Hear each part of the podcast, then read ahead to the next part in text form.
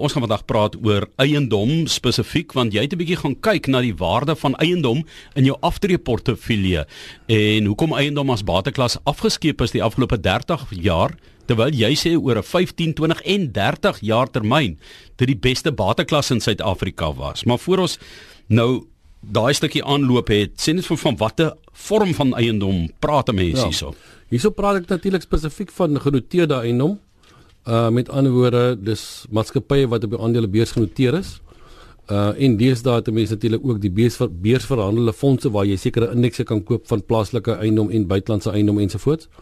Maar ja, die plaaslike eiendoms ehm um, indeks teenoor die algemene indeks van die aandelebeurs en ons kan ook bietjie kyk hoe lyk die residensiële eiendom se opbrengs die laaste 20, 30 en 10 en 5 jaar natuurlik. Ja, dit sal 'n interessante grafiek wees om te vergelyk, né? So, kan jy vir ons 'n bietjie vertel hoe ehm um, dit gebeur het die afgelope termyne dan, wil ek amper ja. sê 15, 20 en 30 ja, jaar. Ja, oor 30 jaar het ehm um, eiendom uh per jaar 17.2% gemiddeld gedoen terwyl die aandelebeurs het 14.5 gedoen. Ehm um, residensiële eiendom, daar's gelukkig ook 'n um, ehm, rekord daarvan gehou. Die indeks van residensiële eiendom het oor die afgelope 30 jaar vir 10.6% gegee. Uh, inflasie was 7.8 gewees oor hierdie termyn en uh, geld in die bank sou vir jou 10.9% gegee het. So nominaal het jy die beste gedoen met genoteerde eiendom. Ehm um, en dis hoekom ek 'n bietjie wil gesels oor hoekom mense so min eiendom in hulle portefeulje het en eintlik die hele bateklas afgeskeep het as jy na die persentasie blootstelling kyk ook wat fondsbestuurders gehad het die afgelope termyn. En as 'n mens na 20 jaar, ek het nou praat van 30 jaar Johan, as jy na 20 jaar praat, dan het eiendom 22% gemiddeld gedoen, aandele 14.5, residensiële eiendom 10. Met ander jy het 12% per jaar oor 20 jaar beter gedoen met 'n uh, genoteerde instrument as wat jy met, met jou eiendom wat jy gekoop het vir vir huur as dit miskien 'n woonstel of jou eie huis of huis vir huur wat ek al. Oor 10 jaar sou eiendom 15.8% gedoen het aandele 10.5 residensieel 5% oor die afgelope 10 jaar het jy 10% per jaar beter gedoen in 'n um, genoteerde gelyste in, instrument as wat jy gedoen het in 'n uh, residensiële eiendom wat jy gekoop het. Maar nou Marius daardie genoteerde eiendom dan wat, wat van watse tipe eiendom praat 'n mens dan as ja. dit nou nie residensieel is nie aan wie behoort dit ja. en en waarvoor ja. kry jy waarde? Met ander woorde, jy koop in 'n maatskappy, kom ons sê net maar Redefine. Ehm um, ek dink Redefine besit van die grootste winkelsentrums mm. die sogenaamde mm. malls wat ons van praat in die land. Maar hulle bestok ander tipe geboue. Daar's baie tipe eiendomme wat baie van die maatskappye wat gelys is op die aandelebeurs besit. Dis nie net winkelsentrums nie, dis kantoorblokke, dis baie keer fabrieke, dis baie keer stoorspasie wat hulle verhuur. Ehm um, daar's baie verskillende maniere waar hulle eiendom bekom en natuurlik het hulle met hierdie met hierdie eiendom wat hulle het, het hulle groot huurders met ander woorde die groot name in die in die bedryf, kom ons sê klerewinkels of ehm um, mense wat nuusware verkoop en daai mense teken gewoonlik 'n 15 jaar kontrak. En in daai 15 jaar kontrak is daar 'n inflasiefaktor vasgemaak van dag 1 af. Met ander woorde as ek in so 'n eiendom belê of in 'n maatskappy belê wat dan weet ek ek besit plus minus tussen 30 en 50 eiendomme. Dis dis waarna ek belê is. So diversifikasie as jy dit vergelyk met een eiendom residensieel. Ehm uh, ek weet dit word goed bestuur want dis mense wat spesialiste is. Ehm um, en ek weet ek gaan 'n verhoging op my inkomste kry elke jaar. Uh ek het likwiditeit, ek kan dit vandag koop en môre verkoop. Uh terwyl ek dit nie met my eie eiendom kan doen nie. Ek het nie al die kostes om 'n eiendom te belê nie. Dit gaan my 'n makelaars loonkos van miskien 1%. Dit dalk nog minder. Terwyl ek met die residensiële eiendom moet ek die agente kommissie van tussen 5 en 7% betaal plus die oordragkostes. En hele regte is hier bo kan 900 000 rand is dit 3.5% dit gaan op boeken 10 miljoen ek dink na 11 11% toe. So al daai kostes is addisioneel by residensieel wat jy nie daar het nie. So ek dink net uit 'n beleggingsoogpunt uit en ek praat nie van 'n mense woning wat jy vir jouself wil aanskaf en vir jou gesin nie want daar moet jy nie ek dink altyd sommetjies maak nie. Uh wat my betref is dit 'n is dit 'n baie goeie belegging en die voordeel is jy kan lees daar plaaslik belê, jy kan op ons aandelebeurs kan jy buitelandse maatskappye koop. Maatskappye soos Into is 'n maatskappy wat baie in die Verenigde Koninkryk belê is. Uh, en jy kan dit nou koop teen die pond wat ongelooflik swak is. Jy weet so uh dit is byvoorbeeld een van die aandele wat van die een van die top fondsbestuurders, die grootste fondsbestuurders in ons land se top aandele by oomblik in hulle portefeuilles is into. Ek wil ook by jou kom juis oor dan wie het nou proxy om te gaan koop en geld te spandeer in buitelandse portefeuilles en hoe moet dit onderskei word teenoor ander geld wat jy mag uitneem buiteland toe. So 'n bietjie daaroor ook gesels het met Marius Kreer van PSG wat hier by ons kuier. Ehm um, PSG Wealth Silver Lakes and George Central in Mossel Bay Dias soos ons gehoor het. En ek het ook 'n artikel gelees oor McDonald's byvoorbeeld dat ehm um, hulle wins wat hulle behaal is saam met die groei nie net uit voedsel nie maar ook die geboue wat hulle besit. Want hulle het 'n baie sterk standpunt dat wanneer hulle intrek in 'n plek dan wil hulle ook daardie plek besit as 'n eiendom. Ja. hulle wil dit koop en dan kry hulle die twee waardes wat saam kan opgaan met die voedselinflasie en hulle prysstruktuur daar wat 'n baie slim manier is eintlik van besigheid doen hè Ja, natuurlik maatskappye wat dit doen het natuurlik ook uh, gewoonlik twee verskillende maatskappye met hulle gebruik die een maatskappy om die eiendom te bekom en hy verhuur weer aan die ander maatskappy. Ehm um, met ander woorde besluit en ons doen dit ons eie besigheid ook. Uh, ons wil liewer die besigheid die die gebou besit omdat ons die ankerhuurder is, weet ons ten minste ons is 'n goeie huurder. Ons weet ons gaan die huur betaal vir onsself. Ehm um, en ons weet ons het weet, ons het nie leeg leegstaande syfers nie. En dit is presies wat hulle doen. So hulle het geen risiko wat hulle neem as hulle daai gebou koop nie want hulle weet mos hulle is self in die gebou en hulle gaan self by hulle self huur.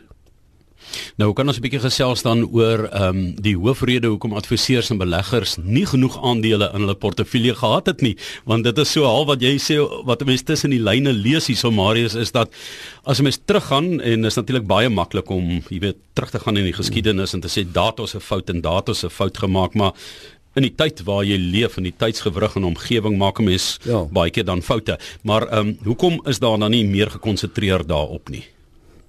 Ja, ek dink daar's 'n paar redes. Uh eerste instansie het is daar nie miskien altyd kundigheid oor eiendom ehm um, gewees nie. Ehm um, baie fondsbestuurders wat byvoorbeeld 'n gebalanseerde fondsbestuur vir konservatiewe fonds, hulle mandaat is hulle mag meeste van hulle mag 15% van hulle geld in eiendom belê. As 'n mens kyk na wat hulle het of al gehad het, dan het hulle die gemiddeld is nader aan 3 of 4% of 5% miskien as aan 9 of 10%. Ehm um, die een kant het jy 'n paar fondsbestuurders wat nie regtig eiendoms portefeuilles bestuur nie, hulle dalk nie die kennis van eiendom nie. Die ander kant is baie van hierdie fonds fondse se maatstaf, die Engelse benchmark is om die gemiddeld uit te presteer van daai sektor. So hulle weet wat in mekaar se portefeuilles is en nou voel hy miskien al dink hy eintlik gaan goed doen en hy gaan sy portefeulje opstoot na 13% toe en al die ander sê 3%. Dink hy as hy 'n fout maak en hy's verkeerd, dan gaan hy nie die die gemiddeld uitbesteed nie. So tipies wat die ouens dan doen is hulle bly baie naby die indeks of die gemiddeld van die indeks. Ehm um, en hulle gaan nie regtig die die blootstelling gee wat hulle behoort te gee nie. Uh interessante ding en ek weet wat ek nou sê is miskien nie uh is miskien kontroversieel. Maar ons doen elke jaar doen ons 'n uh, besoek aan 'n klomp fondsbestuurders in die begin van die jaar. Net om 'n gevoel te kry van wat hulle dink oor verskillende bateklasse en uh kyk 'n bietjie na hulle opbrengs en hoekom hulle goed of nie goed of nie goed gedoen het nie. En elke jaar vra ons net dieselfde vraag. Hoekom het julle nie hierdie jaar meer eiendomme gehad nie? En die antwoord is gewoonlik uh ons het dit nou laas jaar gemis, maar hierdie jaar dink ons eiendomme is te duur. Ons het laas jaar dieselfde antwoord gekry die vorige jaar en die jaar daarvoor.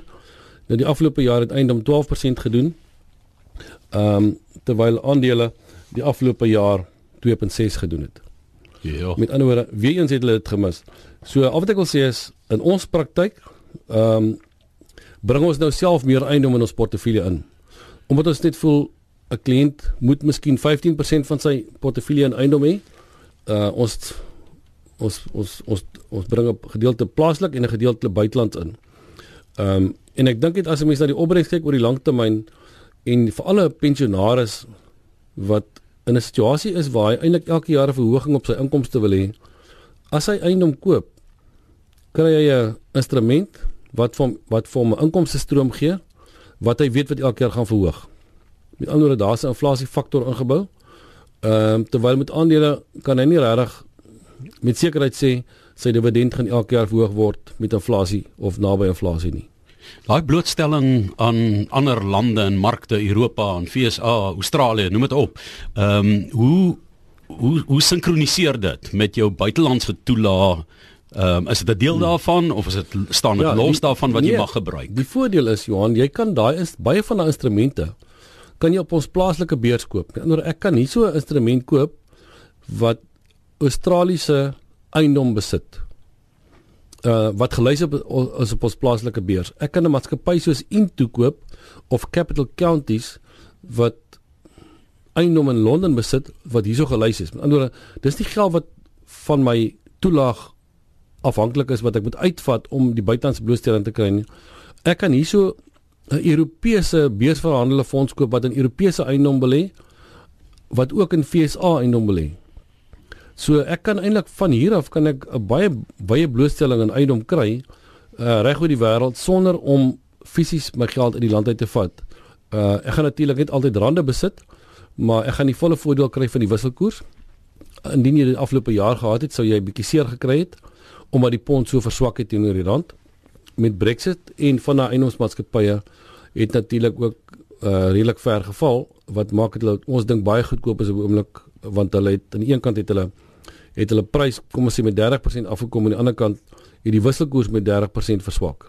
Handige instrument, né, om te hê maar kan 'n mens dit byvoorbeeld in iets soos 'n lewende anniteit insluit en uh, dalk um, jou nessie wat jy nou moet veer vir jou aftrede, jou aftreeportefeulje, kan jy jou blootstelling daar ook ja. aan eiendom verhoog. Daar's twee maniere. Jy kan in jou lewe aan die tyd kan jy 'n eiendomsfonds koop, maar jy word ook toegelaat om direkte aandele te besit in lewe die tyd en in daai portefeulje mag jy dan ook uh, eiendoms uh, aandele besit of dan nou die die sogenaamde beursverhandelde fondse of ETF's of jy kan 'n indeks koop.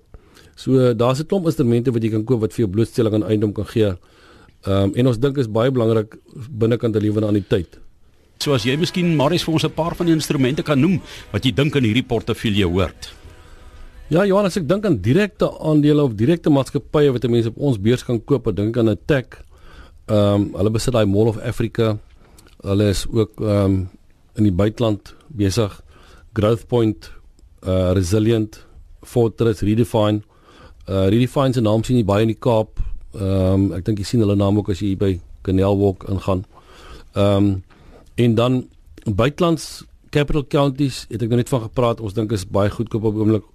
Into is is 'n buitelandse instrument wat jy hier kan koop. Redefine International kan jy by ons koop. Jy kan ek, ek het gepraat van die Australiese uh blootstelling. Dit kan jy deur Investec Property koop. Ehm um, indien jy 'n instrument koop soos New Europe, dan kry jy 'n klomp klomp maatskappye wat in Europa eiendomme besit. En uh, dis regtig 'n goeie verspreiding en baie van daai eiendomme tipe eiendom wat 'n mens kan kry in hierdie portefeuilles Johan bestaan nie eers byvoorbeeld in Suid-Afrika nie.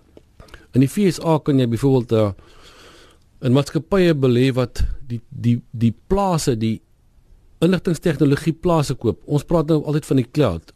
Ons dink ons nou iewers hier bo 'n wolkie waarin jy jou al alles alles stoor.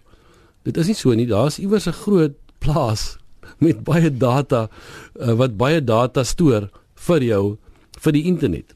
Daai plase uh iemand besit daai eiendom. Hulle verhuur daai eiendom uit aan die maatskappye wat hierdie uh stoorplek nodig het. Dis dit is 'n tipe eiendom wat jy nie wat jy nie kan besit in Suid-Afrika. Daar bestaan nie so iets nie. So jy kan regtig baie wyd diversifiseer. Hierdie is maar net 'n klomp van die uh items wat ek nou gelys het wat jy alles op ons beurs kan koop en ehm um, wat ons dink wat 'n 'n baie goeie uh diverse diverse portefeulje vir jou kan wees. Ehm um, indien jy indien jy hier in belê ehm um, hierdie tipiese portefeulje en dis nog 'n paar uh items wat nou 'n bietjie weggesteek is dan nie die hele portefeulje wys nie. Maar hy tipies weet die die ehm um, gemiddelde indeks van die eiendom van 2013 Augustus af tot nou toe het die portefeulje byvoorbeeld 52,99% gedoen terwyl die indeks het 38,9 so jy jy kan eintlik iets kies wat nog die indeks kan klop uh met 'n kombinasie. Uh en as jy buitelandse eiendom het, moet jy besef, dit is nie 'n jaar 'n jaar uh belegging wat jy gemaak het nie. Dit is 'n langtermynbelegging want jy wil hê die inkomste stroom wat jy kry moet elke jaar groei en dit gaan groei. Maar intussen dit kan wisselkoerse beweeg op en af. Nou die afgelope jaar was dit nou negatief geweest. Maar dit dit sê nie vir jou jy moet nou weghardloop van jou buitelandse blootstelling van jou buitelandse eiendomsportefeulje nie. Ja, en dan um, het jy so 'n bietjie gepraat oor die pond ook wat op die oomblik 'n um, bietjie swakker is, so goeie tyd om daar te belê. En daar's juis een van Suid-Afrika se grootste fondsbestuurders, né, wat um, een van hulle top aandele juis daar ombou. Ja, hulle top aandele in 'n portefeulje is tans Into, dis 'n eiendomsmaatskappy. Net so, ehm um, dit wys dit vir jou wat dink hierdie maatskappy oomblik van eiendom en spesifiek eiendom in die Verenigde Koninkryk. So, ehm um, Ja, ons dink is 'n goeie tyd veral ek dink as 'n mens na daai in die buitelandse maatskappye kyk, veral Engeland, ek dink op die vlak ehm um, die pond kan seker nog 'n tydjie swak bly maar jy koop hom ek onthou Johan, ek het in 99 die Wêreldbeker gaan kyk en toe het ons 20 rand vir 'n pond betaal. En ewe skielik kan jy nou weer pond koop 16 jaar later, amper 17 jaar later uh vir 16 rand. So dit sê nogal vir jou iets ehm um, as jy dit as jy dit kan kry daai tyd kon gekry het vir R16 sou jy dit gekoop het en nou kan jy dit 17 later jaar later vir R16 kry. So ons dink dis 'n goeie tyd om a, as jy 'n bateklas kan koop wat se prys baie af is plus jy het nog 'n baie groot voordeel op die wisselkoers hmm. vorentoe. Dink ons is baie goed. So die Brexit is vir ons ook 'n tyd om jou oë wyd oop te maak. Ja, ek dink dit het baie mense seer gemaak want dan die aandelebeurse het seer gekry. Dit het weer herstel. Maar eiendomsmaatskappye het baie seer gekry. En ehm um, die grootste ding natuurlik is die geldeenheid self het baie seer gekry. So waar jy nou R23 vir 'n pond betaal het, kon jy dieselfde pond nou koop vir R16 iets. So dit is ons dink is 'n goeie groot voordeel op oomblik. En dan net so ten slotte, ons dink altyd aan ons um, pensioentrekkers. Nou een van die maniere waarop jy gesê het mens groei uh, in inkomste elke jaar ten spyte van wat met die prys gebeur is dan eiendomsaandele. Ja, met ander woorde, daar word elke jaar 'n dividend verklaar. Die dividend word bepaal deur die huurinkomste van daai maatskappy. Uh wat die maatskappy kan seermaak is indien daar iets gebeur met die ekonomie en 'n klomp van die klomp van die uh geboue wat hy verhuur het gaan begin leeg staan, maatskappy speel bankrot, hulle kan nie meer huur nie of wat ek al en 'n leegstaan syfer gaan op. Dit kan jou huur beïnvloed. Maar uh die mense bestuur hierdie goed baie goed. Hulle hulle hulle weet wat hulle doen um, hierdie groot maatskappye met met uh, nuwe geboue wat hulle koop en hier kontrakte wat hulle aangaan. So die risiko wat my betref is nie so groot daarson nie. Maar dis ook nie risiko-vry ja. nie soos enige aandeel moet 'n mens ja, dit verstaan. Mens moet onthou as iets soos Brexit gebeur, dan gaan daai aandeleprys val. Die die voordeel wat jy het is die kontrakte is in stand en die huur gaan nog inkom en die huur gaan vir jou groei hierdie jaar teenoor laas jaar. So jy gaan 'n verhoogde inkomste stroom kry alhoewel die bate nou minder werd is volgens die mark. Goed Marius, ehm um, so jy is positief dat hierdie aandeel uh oor die langtermyn groei en inkomste kan bied in jou portefeulje. Verseker Jan, ek ek het self eiendom en ek meen ehm um, dit gaan nie oor my nie, maar dit gaan oor wat wat die beste is vir 'n vir 'n belegger. Uh kapitaalgroei en en inkomste stroom. Ehm um, hierdie tipiese portefeulje sal tans vir jou sonder kapitaalgroei sal vir jou ehm um, uh verwagte dividend hierdie jaar van 5.6% gee. So dis 'n lekker inkomste stroom wat jy kry ten spyte van die feit dat jy nog kapitaalgroei ook in die portefeulje kan kry. Ek sê vir jou baie dankie dat jy kom inloer dit vandag hierso by ons en um, vir ons hierdie interessante perspektief gegee het oor um, eiendomsportefeulje blootstelling en hoe belangrik dit is vir al ons mense gaan kyk na die afgelope 15, 20 en 30 jaar.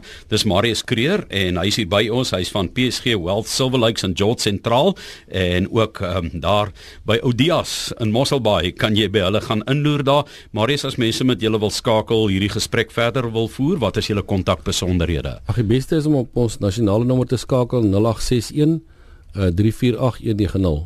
Hulle kan ook vir my e-pos stuur Johan ek probeer alles antwoord. Ek is op oomblik uit vir die week. Ek is eers maandag op kantoor weer. Maar hulle kan vir my e-pos stuur marius.kreer by psg.co.za.